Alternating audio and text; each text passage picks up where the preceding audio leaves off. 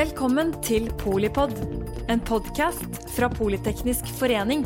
Et kunnskapsbasert medlemsnettverk for bærekraftig teknologi og samfunnsutvikling. Tusen takk for det, og hallo alle sammen. Jeg heter da Torbjørn Røe Isaksen og er samfunnsredaktør i E24. Eh, og For de av dere som ikke kjenner Morten Søberg, så er Morten Søberg en eh, agrarliberal bankmann. Solid plassert i den eh, radikalnasjonale tradisjonen fra 1880-tallet. Og jeg også mistenker at han tilbringer omtrent en tredjedel av tiden sin mens resten tilbringer han i nåtiden og i fremtiden. Men han er også da tidligere politiker, litt filosof, nå også kunstner og poet i spe. Og jeg kan avsløre at da Morten eh, skrev et par stykker for E24 på sitt nynorsk for en tid tilbake, så var det en både ivrig bruker eh, og elsker av nynorsk i redaksjonen som gikk gjennom språket, og hun kom tilbake med både spørsmålstegn eh, for Morten har en noe arkaisk nynorsk til tider. Men også utropstegn over hvor vakkert det var. Og nå har du liksom fått utfolde alt dette Morten, i denne boken, som er veldig mye. Så kan vi ikke bare starte der. Hva slags bok er dette egentlig? skal jeg si, men, men, tusen takk aller først til, til Sivje, som jeg bare opplyste meg at mens du snakka, så kom det da en, en, SMS fra utenriksministeren, som også er til stede. Der står det ikke like mye internasjonalt som norsk. Norsk, her må du rette opp.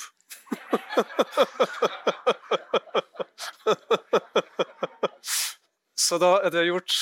Det, fordi det som er spesielt med Svalbardtraktaten, er jo selvsagt at vi var veldig heldige Eh, på den store fredskonferansen etter Paris, og der skriver jeg jo en del om. Eh, eh, vi var heldige på den måten at Sovjetunionen ikke var til stede, heller ikke Tyskland. Og det gjorde det mye lettere for vår mann i Paris, baron Wedel Jarlsberg, å få gjennomslag for dette kravet om norsk suverenitet over Svalbard.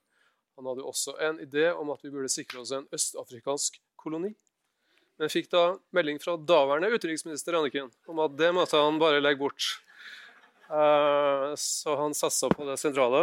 Eh, men samtidig så er det jo klart, eh, som det også ble sagt under debatten i Stortinget om lov om Svalbard, at enhver ethvert menneske i negerrepublikken Liberia, dersom den slutter seg til traktaten, vil ha like retter som nordmenn på Svalbard. Det var et sitat jeg kom med nå. for å være veldig, veldig precis. Så det er jo et norsk område og et internasjonalt område. eh, samtidig vil jeg si, Og så er det slik da at av en eller annen grunn Nå kommer jeg til poenget. Ja. Ja, nå, nå, illustrerer du godt noe av det veldig spennende med boken, nemlig alle digresjonene. Ja. Men, hva, men, det handler jo også om det du har snakket om nå. men liksom i kjernen, Hva er det denne boken handler om? Eh, det er, uh, uh, i et anfall av hybris så fortalte jeg en venn fra Trondheim at jeg hadde gjort vann om til vin. Uh, men jeg har iallfall, uh, tror jeg for første gang på norsk, prøvd å skrive en framstilling av pengehistorier på Svalbard, som er fragmentert episodisk også i boka her, fordi arkivmaterialet er mangelfullt. Men det handler da i korte trekk om gruveselskap fra USA, England, Sovjetunionen, selvsagt, eh, norske selskap og svenske, som utferda egne pengesedler. Og i, de i, det sovjetiske tilfellet også mynter slått på myntverket i Leningrad rett etter krigen. Og Dette har vært eh, et, eh, et monetært fenomen bortenfor lov og forskrift, bortenfor tilsyn, langt på vei ukjent og en offentlig hemmelighet. Og sjøl jeg eller jeg for min del også snubla nesten bokstavelig talt over det. Og så hører vi til saga, det skal avslutte, det at sentralbanken vår her har jo også en rik samling, nydelig samling eh, av slike penger. Og vi har hatt et fantastisk godt samarbeid med den eldste banken i landet eh, om dette prosjektet. Så startpunktet i boka er på mange måter, eller det handler mye om eh, pengene på Svalbard. Derav også tittelen. Men så har det jo også diverse altså Her er det mer pengefilosofiske utlegninger. Eh, du forsøker å si noe om hva penger er. Du berører nye, nye former for penger. og Alt det skal vi komme tilbake igjen eh, til i den samtalen. Men jeg sier det litt sånn at dere som følger oss både her i salen og hjemme, vet hvorfor vi hopper til så mye annet enn bare Svalbard. Men, men å starte der hvor du startet nå, Morten, som også er utgangspunkt for boka. Hva, hva var det som grep deg med denne Svalbard? historien som du snublet over? Nei, jeg, jeg snubla ikke over bare uh, sedler og mynter som jeg så uh, oppe på Svalbard. Men uh, apropos språk, plutselig så ble jeg klar over en slags vindskjev parallell mellom Svalbardpenger og hypermoderne kryptovalutaer.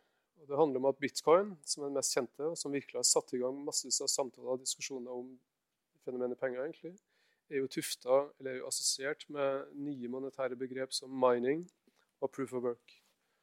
Og så slo det meg at vel, vel, eh, Svalbardpengene var i høyeste grad også tufta på gruvearbeid og gruvedrift. Og så tenkte jeg som så at dette er et fantastisk utgangspunkt for å begynne å tenke rundt hva, eh, forhold, hva penger til sjuende og sist og først og fremst er.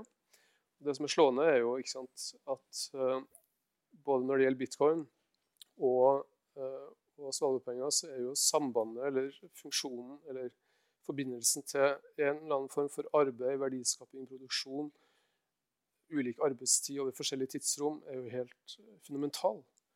Og sånn tenker jeg at sånn er det fortsatt til denne dag, men sambandet der er mer uklart, mer diffust. Og Apropos de to, svalbardpenger og bitcoin, så er det også helt åpenbart at foran øynene våre i vår levetid så endrer fenomenet penger seg fra å være noe fysisk og materielt til å bli først og fremst abstrakte tall som like fullt speiler underliggende fenomen, men som, som, vi kanskje snakker for lite om.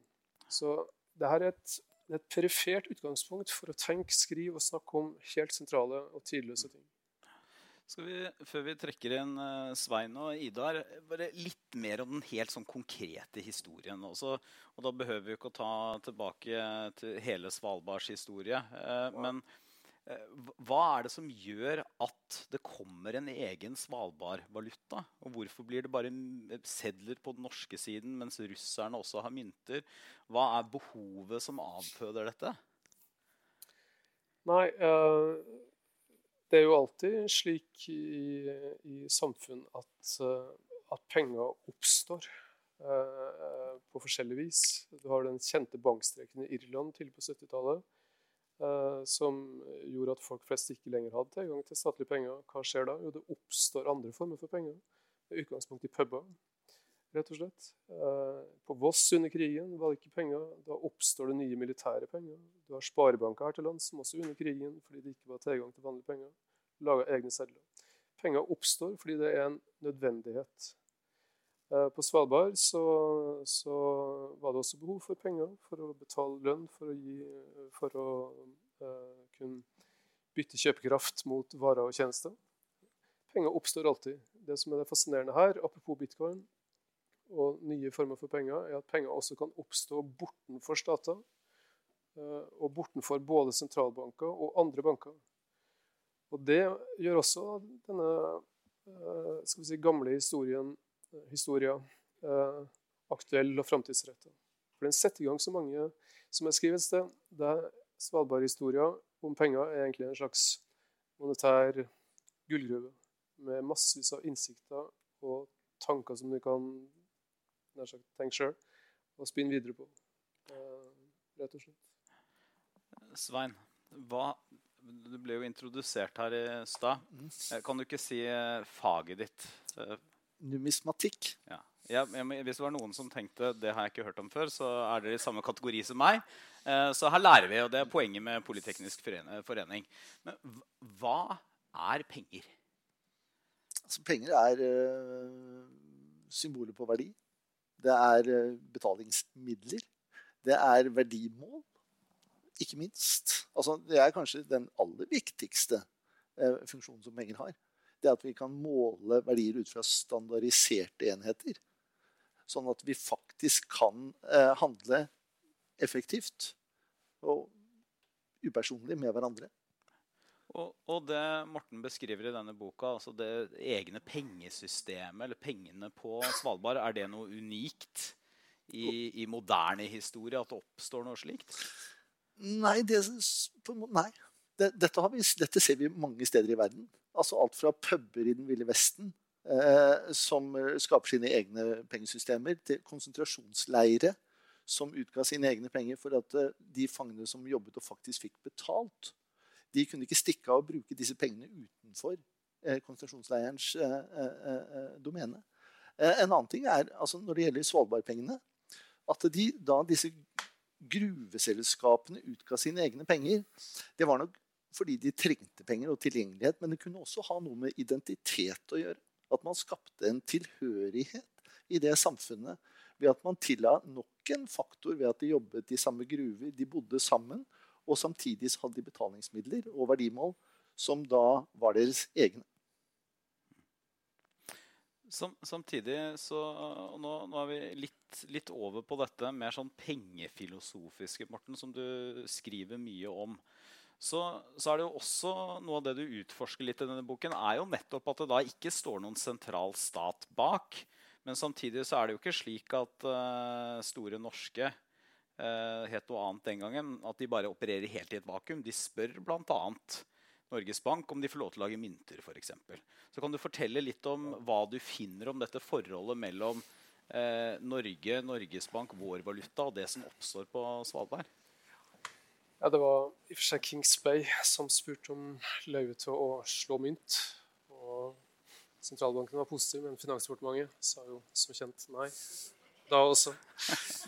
Um, nei um, mm, mm, mm. Hva spurte du om igjen? Nei, Nei jeg, jeg, prøver å utforske litt, da, basert på det Svein sier om at penger bare er noe som oppstår. Ja. Eh, så oppstår det ja. på Svalbard, Men de har jo allikevel et forhold. Så de spør Finansdepartementet. Da. Det må man jo aldri gjøre. Det vet jo alle som, eh, som, sitter i regjering her inne, eller har vært det. Ja. Eh, altså um, Det som er litt av, av, poenget her for min del, er jo rett og slett å, å skrive om forskjellige kilder til tillit til penger. Mm. Og Historisk sett så, så, har jo alle pengesystem på et eller annet vis vært avhengig av, av gruvedrift. Fordi det er edelt metall, eh, særlig gull og sølv, og i Sverige, som vi gjør et stort nummer ut av. Vi har jo en samtale sammen i boka. Der var det kobber. Men det er altså edelt metall som ligger til grunn som, liksom, som et sånn underjordisk basis for, for, pengesystemet. Og Slik var det jo her også lenge. Um, og, og det, det slående også hvor hvor presist pengesystemet sin kobling til det underliggende metallet og gruvedrifta er definert. Med så mange desimaler og så presise mål for, for um, radius og diameter osv. Uh, og, og på Svalbard så, så, var det jo også gruvedrift som lå til grunn for tillit til de lokale pengene. Da var det kø, som som er jo energi. Um, så, men i dag så er jo det her sambandet fullstendig, eller helt og fullt en saga blått.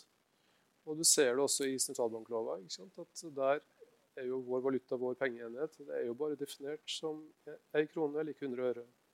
Men det er ingen, ingen referanse til noe annet utover eh, billige mynter og veldig, veldig billig papir. Uh, så det jeg prøver å få fram, er jo sant, at, eh, at, denne pengetransformasjonen som vi ser, fra det fysiske til det abstrakte, går hånd i hånd med ei historisk vel, frikobling fra et eller annet underliggende. Så vi er jo i en helt ny situasjon. er vi ikke det? Vi, her har vi aldri vært før. Nei. Nei. Og det som er, hvis jeg får skyte inn, altså det med eh, Svalbard, det, det som eh, Morten tar tak i, disse rudimentære, litt sånn primitive pengesedlene og myntene som gis ut på, på Svalbard, det er nærmest en urpenge. Samme, du forteller nærmest en parallell historie som de første myntene ble preget i Lille-Asia i 600-tallet før Kristus. Eller de når man begynte å prege mynt og lage myntsystemer i Norge på 1000-tallet. Så det du tar fatt i der, er på en måte en sånn, et sånn mikrohistorie og et lite univers som følger på en måte en fremvekst og et pengevesens fall i 70-årene. Eh, så dette mikrokosmoset er utrolig fascinerende fordi du følger det så tett. Du jumper ikke over i, hopper ikke over i store sosialøkonomiske utlegginger på mange måter. Du har masse digresjoner som er kulturhistoriske og historiske. Men du, hele tiden så følger du pengene og pengenes vesen på en måte som jeg aldri har sett i nordisk litteratur. Vi skal, vi skal komme Dere går litt, Oi, eh, litt Nei, men det er veldig, veldig bra. Nå kast dere frempå. Uh, men eh, det går også litt raskt, raskt frem, for at vi skal, for vi skal komme tilbake til dette også. Hva er det som skjer med pengene? og Hvorfor har penger blitt på mange måter reaktualisert? Dere har nevnt det begge to. Men jeg skal bare ta inn deg også. Ida Kreutzer, du har ansvar for finansbransjen. og representerer dem. Eh, hvis jeg stiller deg det samme spørsmålet som jeg stilte Svein, nemlig hva er penger, sånn i bunn og grunn? Eh, Det er, det, er, det, er jo, det er jo riktig. Det er jo, et, det er jo et verdimål som vi er enige om. Uh, men jeg tror altså det som uh, altså Du vet at penger er uh, også en kulturbærer. Den eh, skaper identitet. Det er ganske mye mer enn en bare en verdibærer. Men, men det jeg synes er interessant, er det Morten er innom med dette med, med, med tillit, sammenhengen mellom at penger fungerer, og den underliggende tilliten. For det er jo riktig som dere sier, at penger kan oppstå, og oppstår. Uh, nå er det vel snart oppstått 20 000 uh, forskjellige sånne kryptovalutaer. Altså de oppstår. Men spørsmålet er jo hva er det som skal til for at de faktisk fungerer som betalingsmiddel, og at de vedvarer. Og det er jo den underliggende tilliten. Eh, altså Neil Ferguson, en av verdens kanskje mest innflytelsesrike økonomiske historikere, han har jo karakterisert eh, det finansielle system som det mest komplekse menneskeskapte system på jorden. Det finansielle system er det mest komplekse menneskeskapte system på jorden. Og det må nok jeg si at jeg syns er noe av genistreken til Morten. Eh, med å bringe dette fra det store komplekset eh, som, som er vanskelig, selv for oss som har jobbet med dette i tiår, å fatte sammenhengene. Så tar du det ned eh, og gjør det forståelig, og du viser frem sammenhengene. Og her er det jo også helt fundamentalt tillit. Tillit til Store Norske, tillit til de bakenforliggende som utsteder disse pengene, som kan se litt rare ut i utgangspunktet. Og i, i Norge så hadde vi jo også den der holdningen at ja, vi hadde tillit til Norges Bank som utstedte pengene, men for sikkerhets skyld eh, så hadde vi gull bak. Så hvis ikke du var helt sikker, så kunne du gå inn og veksle, og så kunne du få noe eh, som var hardt og holdbart. Og så forlot vi jo gullstandarden. Eh, og da er det, den nye gullstandarden til penger er tillit. Og tillit er ekstremt sårbart. Eh? Så, så, så tilliten til det pengesystemet er helt avgjørende. Det å prøve å forstå sammenhengene her, hva er det som bygger og river ned den, er avgjørende. Eh, jeg har en pengeseddel hjemme som er fra Zimbabwe mot slutten liksom, av, av Mugabe-tiden, før det der brøt helt sammen. Eh, og den har da pålydende 10 000 milliarder dollar. 10 000 milliarder dollar. Og den kunne du få kjøpt et brød for. eh, Hvis det var brød i butikken. Eh, jo, men ikke sant? Så, så penger kan jo også være uttrykk for mistillit. Morten, eh, du konstaterer i boka litt lakonisk at eh, pengens verdi bør være Altså pengen bør være mer verdt enn papiret den er trykket på. Eh, Det er et mål. det, ja, det er et mål.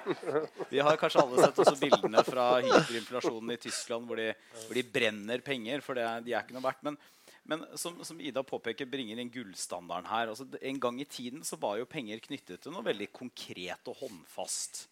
Eh, men penger som ren tillit, gir det mening? Nei, jeg, jeg vil nok heller si det sånn at uh, kildene til tillit har endra seg. eh, har skifta. Fra eldmetall via tillit, som har rot i tillit til institusjonene som utsteder, og nå i det stadig grad tillit til underliggende teknologi. Eh, og i og for seg bankregulering. Eh, men, det, men det er interessant, og det gjør jeg et nummer ut av også. eh, hvordan offisielle norske sedler skifta hva skal jeg si, fikk et annet uttrykk etter at man forlot denne gullstandarden. Etter krigen så, så starta ordninga med at sentralbanksjefen også signerer sedler. Som en erstatning for denne gullkoblinga vi hadde før. Ikke sant? Det som er mest fascinerende, tror jeg, likevel, er jo den sovjetiske pengehistoria der. Fordi den, eh, den har vært eh, lærerik på den måten at det bare streker under så tydelig at pengehistorie, også kulturhistorie. Ta f.eks. Eh, pengevaløren tre. Tre kopek og tre rubel. Det stussa vi litt på da vi så på det her. Så viser det at nei, tallet tre, også under kommunismen i Sovjetunionen, hadde en spesiell religiøs betydning. Det er jo treenigheten. ikke sant? Og den ser du også oppe på Svalbard. Andre ting som du ser på Svalbard, apropos underskrifta, er at cellene ikke er underskrevne. Så, og det er veldig veldig sjelden kost. Skjer, slik er det i Russland nå, i Hviterussland. Men du kan telle slike land på ei hånd. Men det vanlige er jo sant, at håndskrift, underskrifter, øh, vassmerker, selvsagt, forskjellige ting, er, er, en del av penger for å på forskjellig vis inngi tillit til at et stykke er mer verdt enn en papir. Klarer du enda tydeligere å koble det du ser med tilliten som da folk åpenbart hadde til Svalbard-pengene, med den tilliten som vi eventuelt har eller ikke har til penger i dag? Ja, altså Her kommer vi inn på noe annet viktig som jeg synes at bitcoin egentlig aktualiserer. ikke sant? Fordi Det er lenge siden vi i sånne pengepolitiske ordskifter har snakka om, om, størrelsen på selve pengemengda. Eh, det var jo eh, et tema så sent som på 70-tallet. Friedman osv. var veldig opptatt av at man skulle styre veksten i selve pengemengda. Så har det kommet inn som et tema igjen når det gjelder bitcoin, fordi eh, den koden er jo, er jo laga på et vis som gjør at eh, øvre, det øvre tallet på antall bitcoins er, er, er gitt. Men på Svalbard også så var jo pengemengda en, en, funksjon av noe underliggende, nemlig omfanget av arbeid og produksjon. Mens i dag, det må det være lov å si der, så har jo banker sant, produsert veldig, veldig mye penger gjennom utlån, mm. som har først og fremst ført til, eller gått iallfall hand i hand med en enorm prisvekst på fast eiendom. Mm. Du får inflasjon som følge av økt pengemengde. Og, og, igjen, det at på Svalbard pengemengdene var i praksis avgrensa av det produktive arbeidet som er utført, ikke sånn som nå, en funksjon av arbeid i framtida når gjeld skal tilbakebetales, er også skjønner hva du vil, det, det sporer an til som veldig mye tenkning, og i dette tilfellet skriving, om fundamentale saker og ting. Ja, men Det er jo interessant, som, som Morten sier. At, uh, altså, vi tenker jo at det er egentlig Norges Bank som utsteder penger. Som lager penger i Norge. Men flesteparten av pengene lages jo av bankene når bankene låner ut penger. Uh, da produseres penger. Uh, det har man jo tatt inn over seg i Hongkong f.eks. Når du da får pengeseddel, så står det HSBC på på pengeseddelen. Det står ikke liksom Royal Bank of et eller annet. Uh, sånn at, uh, men, men, så har man da underliggende styring av det gjennom, uh, gjennom pengepolitikken, gjennom insentivsystemer. Om det, da, ikke sant? Mm. om det da skal produseres mye eller lite penger. og bankenes rolle i det moderne pengevesenet er viktig.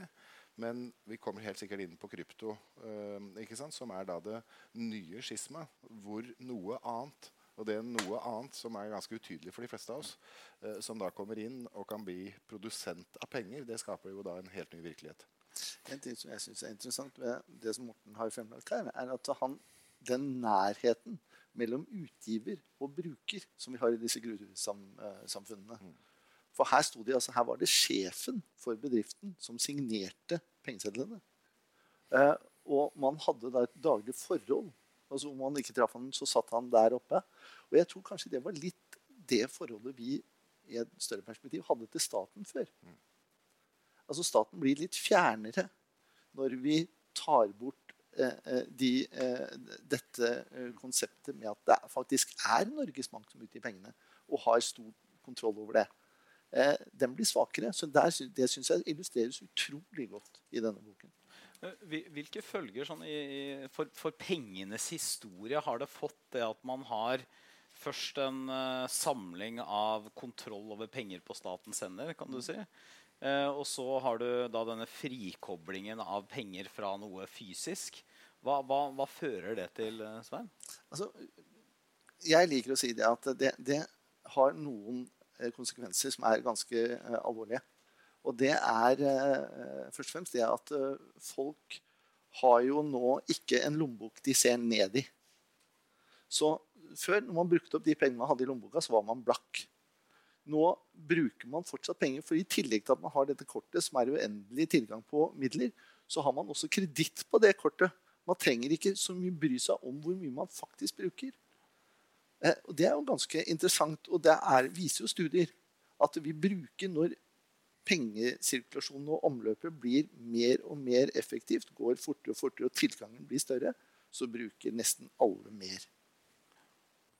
Samtidig um, Dette er et ja, slags sitat fra Keynes, store økonomen John Maynard Keynes. Han sier at penge, historien om pengene er i bunn og grunn en politisk historie. altså Han kobler penger slik vi oppfatter det i dag, til politisk autoritet og i praksis da stater. Og Hvis denne autoriteten da blir mer usynlig for oss, kan det få noen andre konsekvenser også, Morten? Er det noe ja. fra Svalbards historie fra en russisk side? Ja.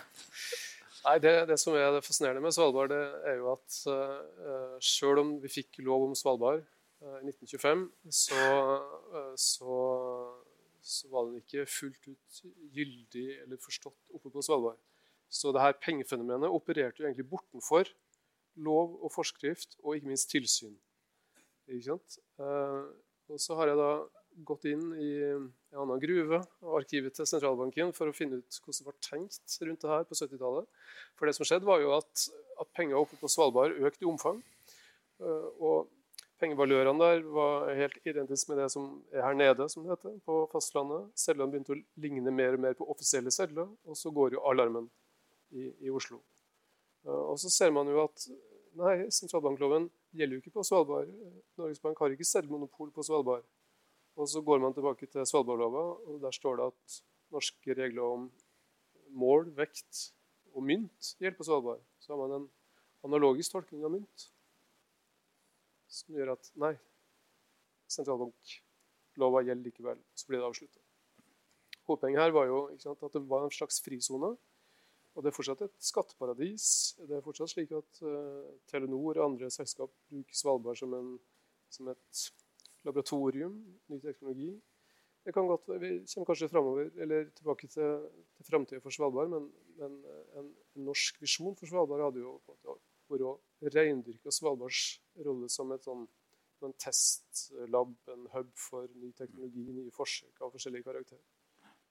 Jeg tenkte vi skulle, skulle, ta litt om sånn selve Svalbard sånn helt mot slutten. Men bare ja. først for å følge dette pengesporet. da, Nå har vi egentlig startet i Lilleasia 600 før Kristus. Og så har vi hoppet frem til gullstandarden. Og nå, nå, er det bankene som lager penger, men staten som står bak. Og så har flere av dere nevnt stikkordet 'hva nå'? Uh, og Morten, du har jo også vært involvert i det man kan kalle blokkjede-NFT-prosjektet til uh, Norges Bank, hvor dere lagde egne sånne eh, nye Svalbard-penger, kan du si.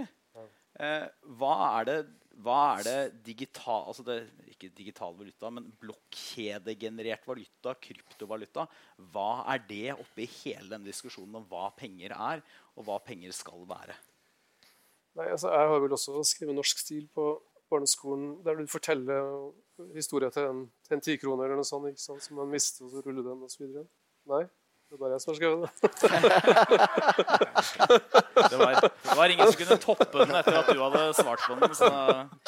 Men uh, hovedpoenget er jo at uh, historien med penger er jo, er jo som en sånn blokkjede med informasjon om forskjellige transaksjoner. ikke sant? Så, så, så om, om, en penge kunne huske, så, så, ser du en sånn kjede med, med transaksjoner. Og det er jo den teknologien som nå blir brukt for uh, et forsøk på å skape helt nye former for ei, eller verdigjenstander, kan man si. Uh, så jeg, men så blir jo spørsmålet blir, eller er bitcoin en, en, en, penge. Og det er ett et begrep som du ikke var inne på kanskje men som, i stad, men som jeg tror er veldig veldig viktig. For at en penge skal være en penge, så må den ha bruksverdi. Mm. Det må jo være mulig å bruke den til noe fornuftig utover bare å sitte på den. Du må få tilgang til varer og tjenester. og Det vi ser i konturene av, er jo at helt nye former for penger, uavhengig av både stater, sentralbanker og banker, faktisk har en viss bruksverdi. Mm. Og Det syns jeg er veldig spennende. Og når du tenker på hvor mye som har skjedd de siste 20-30 åra, så er det jo helt åpent hva som kommer til å skje de kommende 30 åra. Og Da blir spørsmålet skal staten, eller skal det finnes statlige penger fortsatt. Et alternativ til alle de her nye private pengene. Eh, et alternativ til, til nettopp bankpenger. Og Det er jo der også blokkjedeteknologien eh, kommer inn i statlig regi. For sentralbanker utreder jo nye statlige penger basert på nettopp denne teknologien. Så Men, men da tenker du ikke type statlig digitale penger, altså at du, du trykker dem opp digitalt nærmest? Da tenker du nærmest en konkurranse om forskjell, med forskjellige valutaer? Er det det du ser for deg? Nei, jeg tror, eh, jeg tror at eh, den der konkurransen er og eh, en slags sånn pengemessig frihet er bare rett rundt hjørnet. Jeg, som er så konservativ, har jo nå kjøpt varer og tjenester med kryptovaluta. Tenk det. Har du, har du Lovlige ting. Lovlige varer og tjenester. Ikke noe leiemordere. Eh, Idar, hvordan ser dette ut sånn, fra næringens ståsted? Er utrolig spennende. Eh, veldig dynamisk. Det skjer innmari mye. Og det er som Morten sier, altså Utgangspunktet er jo at man da bruker teknologi til å utvikle noe som har en bruksverdi. Eh, og Det er vel tre typer sånn bruksverdi man har sett. Det ene er det at man kan uh, gjennomføre handler enklere og billigere. Kanskje særlig på tvers av landegrenser. Det, det andre er å bruke det som et spekulativt objekt som man, man håper at har en høyere verdi. Eh, store mengden av det er rene korthus. Der hvor de som går inn tidlig, uh, har en mulighet til å, å tjene. og De som kommer inn sent, har alle muligheter til å tape. Og det tredje har jo vært uh, fokusert. Altså At man bruker denne type valuta til å hemmeligholde transaksjoner som ikke tåler dagens lys. Men den første delen av det, altså hvis vi går til Afrika f.eks., hvor det er flere land som har pengevesen med manglende tillit, så har ulike former for kryptovaluta blitt svært viktig i, altså i handel mellom land i Afrika. Eh, Fordi det reduserer valutarisiko, det gjør transaksjonene enklere og er det dominerende betalingsmiddelet. Eh, og, og når da de store gigantene som, eh, som Meta og, og de andre begynner med å utvikle sin egen tenkning rundt digitale penger, det er jo da sentralbankene over hele verden våkner. Fordi de ser at her har det antagelig en bruksverdi. Det har antagelig en attraksjon eh, som i sin ytterste konsekvens kan undergrave hele fundamentet for sentralbanksvesenet i verden. Så er det jo? Altså, du, kan godt, du kan godt få folk som sier at sentralbanken er en del av problemet. Uh? Altså at, eh, men, men de fleste vil si at gjennom, gjennom eh, pandemien så har sentralbankvesenet internasjonalt vært en helt avgjørende verktøykasse for oss del av verktøykassen for å håndtere en, en veldig veldig vanskelig situasjon. Og Hvis vi får et helt desentralisert pengevesen der hvor Tenk deg da at uh, sentralbanken i Amerika sier at nå skal vi stramme inn. Og så sier, så, sier Facebook eller, eh, eller noen av disse andre at ja, men det har ikke vi tenkt. Vi utnytter den muligheten. Når dere strammer inn, så utnytter vi muligheten til å supplere mer penger inn i systemet. Så kan vi få en større markedsandel. Så eh, alle sentralbanker over hele verden eh, har nå en eller annen form for eh, digitale, altså sentralbankpenger. Norges Bank inklusive. Eh, de kommer ikke til å være først ute med det, men heller ikke sist. Eh, og de kjører en veldig åpen prosess. Eh, men dette er jo også noe nytt. Og du spør hvordan vi ser på dette. Helt naturlig at Norge er med på det. Men det er jo med skrekk blant fryd vi ser på det. Bare tenk deg systemet at du åpner opp for at en vanlig forbruker kan ha innskudd i Norges Bank i sentral, digitale sentralbankpenger. Eh, og så begynner det å bli litt urolige økonomiske tider. Da kan det være at folk går og tar ut penger av banken, setter inn i sentralbanken, og plutselig så har du et system som øker eh, de økonomiske konjunkturene eh, og skaper og destabiliserer finanssystemet. Ikke sant? Så vi leker, Jeg skal ikke si at vi leker med nitroglyserin, men vi leker med noe som er ekstremt kraftfullt her, og som kan ha veldig store konsekvenser som vi kanskje ikke overskuer helt. Eh, Svein, når, I teorien så kan nå hvem som helst være Svalbard. Hva, hva kan det gjøre med pengesystemet vårt? Og i og for seg komme tilbake til hva det kan gjøre med samfunnene våre også.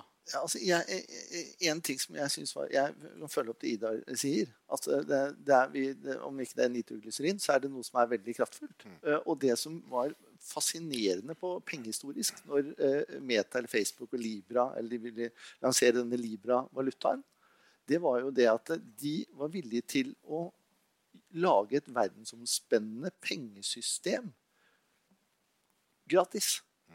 For det var ikke pengene som interesserte dem, men det var informasjonen som fulgte med pengebruken.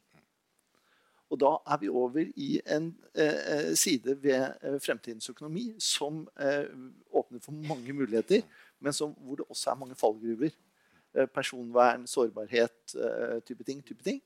Eh, sånn at det er kanskje en side ved Svalbard-historien Svalbard som vi kan godt legge bak oss.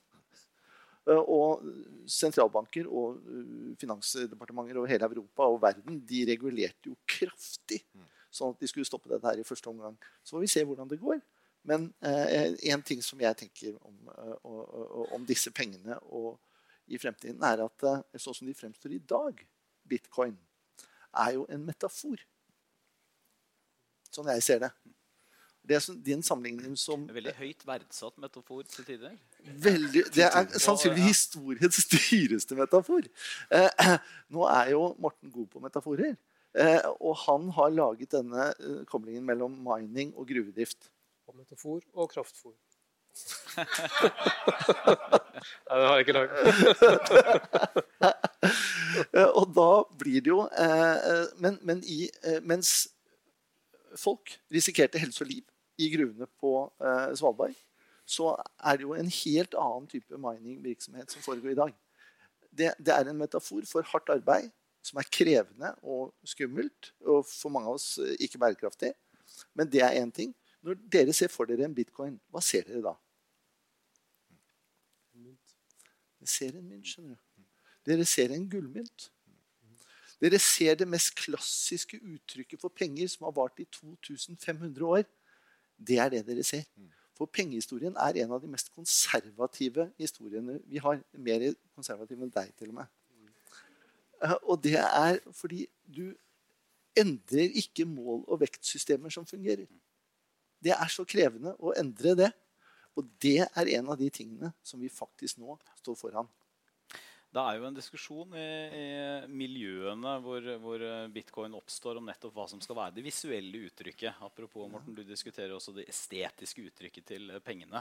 Hvor man nettopp da satser på at det man velger, skal være gjenkjennelig som penger. Som noe fysisk. Men, men jeg, nå, nå, er det litt sånn forhåpninger her og mye spennende, og dette kan bli stort. og sånn. Det er jo ikke noen tvil om at de som jubler mest for eh, type kryptovaluta, er jo antiautoritære eh, miljøer. Nettopp mennesker som er ute etter dere, Idar. Mm. De liker ikke big business og storfinans. De liker ikke din gamle arbeidsplass, Finansdepartementet, Morten. De er sikkert skeptisk til din arbeidsplass, Universitetet i Oslo. Eh, og ser jo for seg at dette er et verktøy for en type frigjøring. Da. Så er det noe destabiliserende i dette også, eller er det bare eh, noe vi kan utnytte muligheten av? Altså, vi det, det, er ikke, altså, det, det, er ingen tvil om at det er uh, det, du, vi pleide å kalle anarkistiske uh, strømninger uh, i deler av desentralisert finansbevegelsen. Altså som, og det kommer som en reaksjon på uh, bl.a. finanskrisen. Hvor folk flest øk, følte at de ble påført en, en, kostnad av et system de verken kjente, forsto eller hadde noen relasjon til. og konspirasjonsteoriene er ganske mange. Altså At det er eh, en eller annen sånn skjult eh, sammensvergelse. Eh, og Derfor er det med at teknologien muliggjør transaksjoner mellom borgere uten mellommenn, det er jo da noe umiddelbart fascinerende i, for mange. Samtidig så, så, ser vi jo altså Jeg opplever ikke at det er den dominerende kraften. Det er én av kreftene inn i desentralisert finans og bak det som, som kommer på, på, på kryptosiden. Eh, men det er en ganske sterk drivkraft. Ideologisk drivkraft. Eh, men eh, samtidig så ser vi jo, eh, og har fått mange eksempler på verdier som går tapt. Og selv de anarkistisk eh, drevne kreftene, når verdiene deres blir borte, så roper de på en eller annen form for regulering. eh, som gjør at eh, Sånn skal det jo ikke være. Ikke altså, sannsynligheten for å bli svindlet, sannsynligheten for at pengene blir borte ved en eller annen feiltagelse, feiltagelse, sannsynligheten for at noen manipulerer systemet, sannsynligheten for at noen altså, Det er jo tilsynelatende desentralt. Realiteten er jo at det er jo veldig sentraliserende krefter som ligger bak mye av dette. Så det at du får en skjult monopolisering eh, som er uregulert. Alle disse tingene tilsier jo at en eller annen form for regulering det tror jeg de fleste kommer til å ønske. Eh, og det tror jeg også kommer til å skje. Også anarkister når de blir fattige. Ikke sant? Ja. Eh, Morten? Nei, jeg, jeg ville bare Jeg kom med et lite stalltips, nemlig og, som går ut på at jeg skriver litt om fenomenet bitcoin i, i praksis i, i boka også. Og da, i skrivende stund da, så var det bare El Salvador som hadde innført det som en alternativ offisiell valuta. Og det var jo på sett og vis ut fra en fortvilt situasjon, fordi El Salvador hadde jo før sin egen, egen eh, ja, pengeenhet, som het kolon, som man satte et punktum for. Og så hadde man US-dollar i stedet. Men ikke sant, en, eh, en, en, men, men eh, 25% av BNP i El Salvador eh, har jo opphav i overføringer fra utlandet. Eh, og, men bare 80% av overføringene kommer fram som følge av transaksjonskostnader. Med bitcoin så, så får du fjerna en god del mellommenn, så det, det har jo et slags effektiviseringspotensial også. Og så kan jeg godt tenke meg at El Salvador, selv om det på spansk betyr frelseren, så har det ikke vært noen sånn frelsevei i den uh, historien om det landet. Den har vært underlagt USA, det amerikanske hegemoniet. Det kan også tenkes at et alternativ til US-dollar blir sett på som et slags frigjøringsprosjekt. Eller kan ha kime til det. Så hvor du står og hvor du sitter, påvirker hva du ser og, hva, og hvordan du tenker. Svein? Altså, eh, Sakamoto, som eh, da skrev dette whitepaperet med koden for bitcoin, har jo gjort noe revolusjonerende og er jo en visjonær og et geni på mange måter. Og er det noe som kommer til å være en, en katalysator for endringene innen pengevesen, så er det jo nettopp de kryptobevegelsene som begynte i 2008-2009. Og det er jo ikke mer enn eh, 10-12-15 år siden. Eh, og, og, og det er i pengehistorisk sammenheng fryktelig kort eh, tid. Eh, sånn at eh, den eh, Vi har mye å lære av de. Men jeg tror det er en vei frem. Det er eh, to hovedpersoner på en måte i denne boken. eh, Morten, og Det ene er eh, pengene, og det andre er Svalbard. Eh, som jo ikke bare er en kulisse, men som i høyeste grad også nærmer seg en slags sånn hovedperson i, i boka. Og på en eh, geopolitisk og internasjonalt juridisk korrekt måte. Eh, ref. SMS-en du fikk. Kan du beskrive bare møtet ditt med Svalbard? Hva er det som gjorde at at det var også denne kulissen fikk så mye plass i boken? Eller ble noe mer enn en kulisse? Nei, hva skal man si? Det er jo politisk ukorrekt å si at det er et skatteparadis. Eh, men, uh, men Svalbardsamfunnet er jo veldig spesielt på den måten at det er jo, selv om det nå er veldig mye fritid der, i form av altså reiselivsnæring osv., så, videre, uh, så er det jo et samfunn som hele tida har vært særprega av arbeid og produksjon og vil jeg si, en viss eventyrlyst og oppdrift energi. Så vidt jeg vet, så er det ikke lov å dø på Svalbard. Men det er heller ikke lov, eller noe særlig gunstig å være sjuk der. eller å gå på trygd, for den saks skyld. Det tror jeg nesten ikke er lov. Det er et, et samfunn som, som, som, som, slår deg som energisk og prega av initiativ. Og det er selvsagt veldig internasjonalt har blitt, men, men det, er, det er en særegen stemning der som er veldig smittsom og, og, og, optimistisk på et vis. Og av og til så har man behov for det. Å bli utsatt for slike stemninger. Og så er det jo, er det jo, lang, det er jo langt. Altså det er, det er, en følelse Jeg vet ikke om dere har vært der, Idar og Svein.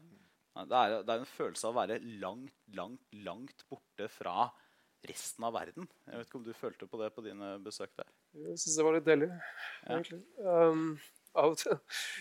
Men langt borte, ja. Det, det som jeg synes var Jeg har lest et eller annet sted, nemlig at uh, statsminister Mikkelsen av alle hadde jo også hytte på Svalbard. Og det var jo, hvis det fortsatt var et ingenmannsland. Men det er klart, verden var jo, var jo veldig globalisert og internasjonal før. Folk reiste mye mer enn det man eh, kanskje minnes. ikke sant? Så, men det var nok vårt Ville Vesten i den forstand at det var mulig å dra opp dit, jobbe hardt, legge seg opp en del penger og komme tilbake sant, og, og, leve et bedre liv enn det du ellers kunne få til. Det, jeg tror Hvis jeg kan legge til, så er det altså, Vi lever jo i en sånn veldig sånn omskiftelig tid på, på innmari mange måter. Og så leter vi etter, hva er det som er sånn hva er det som virkelig treffer oss, som gjør noe med det. Og, og, og jeg tror kanskje at det der altså Når vi opplever noe som, som, er genuint, så gjør det noe med oss. Uh, for meg så er Svalbard er genuint. altså. Det er skikkelig hardcore. Og uh, Enten det er når det gjelder lyset, når det gjelder naturen, når det gjelder energien. altså Det er noe helt unikt genuint med det. Det andre det er det at folk er ganske kort på Svalbard. Det fant jeg ut når jeg var der nå sist. Altså, folk er der ofte på sånn ett- og toårskontrakter, og sånn, så det er en sånn gjennomstrømning. Det er en voldsom dynamikk i, i det Svalbard-samfunnet sånn som, det, sånn som det arter seg nå. Og så er det veldig internasjonalt. Altså Folk kommer fra hele verden fordi de er ute etter det genuine, det unike, det helt spesielle som er langt fra alt mulig annet. Og Det gjør jo også at det blir en slags smeltedigel hvor eh, ting endrer seg mye raskere. Altså Veldig internasjonalt veldig kortsiktig, altså korte kontrakter, stor utskifting, eh, ganske tøff natur, eh, det gjør det veldig spesielt. Og så I tillegg så er det sånn for de som liker naturopplevelser altså vi, Solen kommer vel tilbake over horisonten sånn midt i mars. Jeg husker jeg var der oppe helgen sånn 12., 13., 14., 14. mars. Og da så vi liksom akkurat den der eh, signen på, på, solen første gang. Og så vet vi da at sånn ca. 20. april så er det midnattssol. Uh, og det innebærer jo? Altså, det er jo, det er jo Hitlers bursdag. 30, 30, jo, men det er 30 dager. da Så går du fra helt mørkt til helt sol. Og Det betyr jo at hver, i den perioden så blir hver dag én time lenger. Så i løpet av en helg så merker du at det blir lysere. Og det går også på det med det omskiftelige, det dynamiske. Jo, men det er veldig spesielt, faktisk. Veldig spesielt. Du har, eh, du har, invitert et panel Morten, som er pengepolitisk. Men i, i, det du sendte meg på forhånd, så hadde du et litt sånn oppspark til nesten en slags sånn geopolitisk runde om Svalbard også. Så skal jeg ikke spørre pengehistorikeren og finansbransjen om det. Men vi, vi nærmer oss et slags jubileum. Vi skal avslutte, avslutte der. Altså, et slags jubileum-markering av Svalbardtraktaten. Hvordan tror du, du som har invitert til en slags sånn geopolitisk vurdering av dette, hvordan tror du fremtiden for Svalbard ser ut? Nei, det er jo andre her i salen som er mer kompetent å si noe fornuftig om det. Men uh, jeg tenker jo at uh, vi, hadde jo, vi hadde jo flaks, for å si det som det, uh, i 1920. Da Sovjetunionen ikke var til stede under utarbeidelsen av traktaten. Det hadde jo aldri blitt sånn der som det var der. Se for deg Lenin rundt bordet. Ehm, men det er klart, uh, framover så tyder jo alt på at Russland har langsiktig strategisk interesse av å ha et skikkelig fotfeste på Svalbard. Og det er jo først i moderne tid at sovjetrussere ikke har vært i flertallet. Og, og jeg forstår det jo sånn at det er ambisjoner om å satse. Og så ble det jo på en måte møtt av en norsk reaksjon også. Det som har skjedd oppe i Longyearbyen, da, selvsagt, er jo at stemmeretten nå har blitt på en måte inngrensa, avgrensa til mennesker med mye tydeligere forbindelse til fastlandet enn før. Det handler jo tror jeg, også om å på forskjellig vis eh, bidra til å, å tydeliggjøre at norsk suverenitet er avgjørende. Men over tid så må det jo simpelthen bo folk i husene, som det heter. Det må jo være nordmenn der. Eh, og en måte å få til nordmenn, eh, eller få nordmenn til å flytte ut, det er jo via politiske vedtak. Så du må jo satse, du må jo ha et ønske om å en måte bygge opp Svalbard og gjøre noe ut av det. Men jeg tror nok at, at klimaet, eller farvannet som du skal navigere i, blir stadig mer utfordrende etter hvert som store, viktige land også våkner for alvor og vil på en måte melde sin interesse. Siste nytt er jo at også Tyrkia, som kanskje det 45. landet, vil både signere og ratifisere traktaten. I tillegg til Nord-Korea og andre vennligsinnede land som allerede er der. et, et, helt siste spørsmål på tampen. Um, og det er eh, nok et ord som var nytt for meg. Eh, og det er et ord som da altså skal beskrive at det, det, det, lønner seg i seg selv å være den enheten som trykker opp penger. Mm. Eh, og det tør jeg nesten ikke å uttale engang. Så det er det tror jeg, tenker jeg, litt sånn voksenopplæring for oss alle her. Senioriage, ville jeg sagt. For jeg antar det er noe fransk. Kan du, kan du bare forklare hva dette er, og hva, hvordan du uttaler dette ordet? Senorage, tror jeg det uttales på norsk. Er det riktig, Svein? Ja, det sikkert annerledes på fransk. Ja. Jeg kan gjøre det veldig veldig enkelt. Uh, ekstremt enkelt. Uh, Se for deg at du er sentralbanken. Så koster det bare noen få øre å trykke en tusenlapp. Ikke sant? Da får du det som, som eh, en post på, på passiva sida av balansen, som er en slags gjeld til publikum. Men du har da samtidig 1000 kroner som du kan kjøpe en aksje for, som gir opphav til utbytte, avkastning. Forskjellen mellom det du tjener på å bruke tusenlappen, kontra det du taper på å produsere den, er seniorasjen.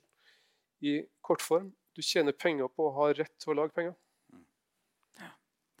Og han eh, Satoshi, oppfinneren av bitcoin, har jo sjøl mynta én million bitcoins. Og Det er jo et moderne uttrykk for at det sannsynligvis er veldig lukrativt å få muligheten til å lage penger sjøl. Jeg kan uh, anbefale boken på det varmeste. Den er, uh, den er uh, interessant, som alltid når Morten skriver. Veldig velskrevet. Og, og, jeg kan si også at det spennet i temaer vi har hatt her, dekker dekker ikke hele spennet i boken engang.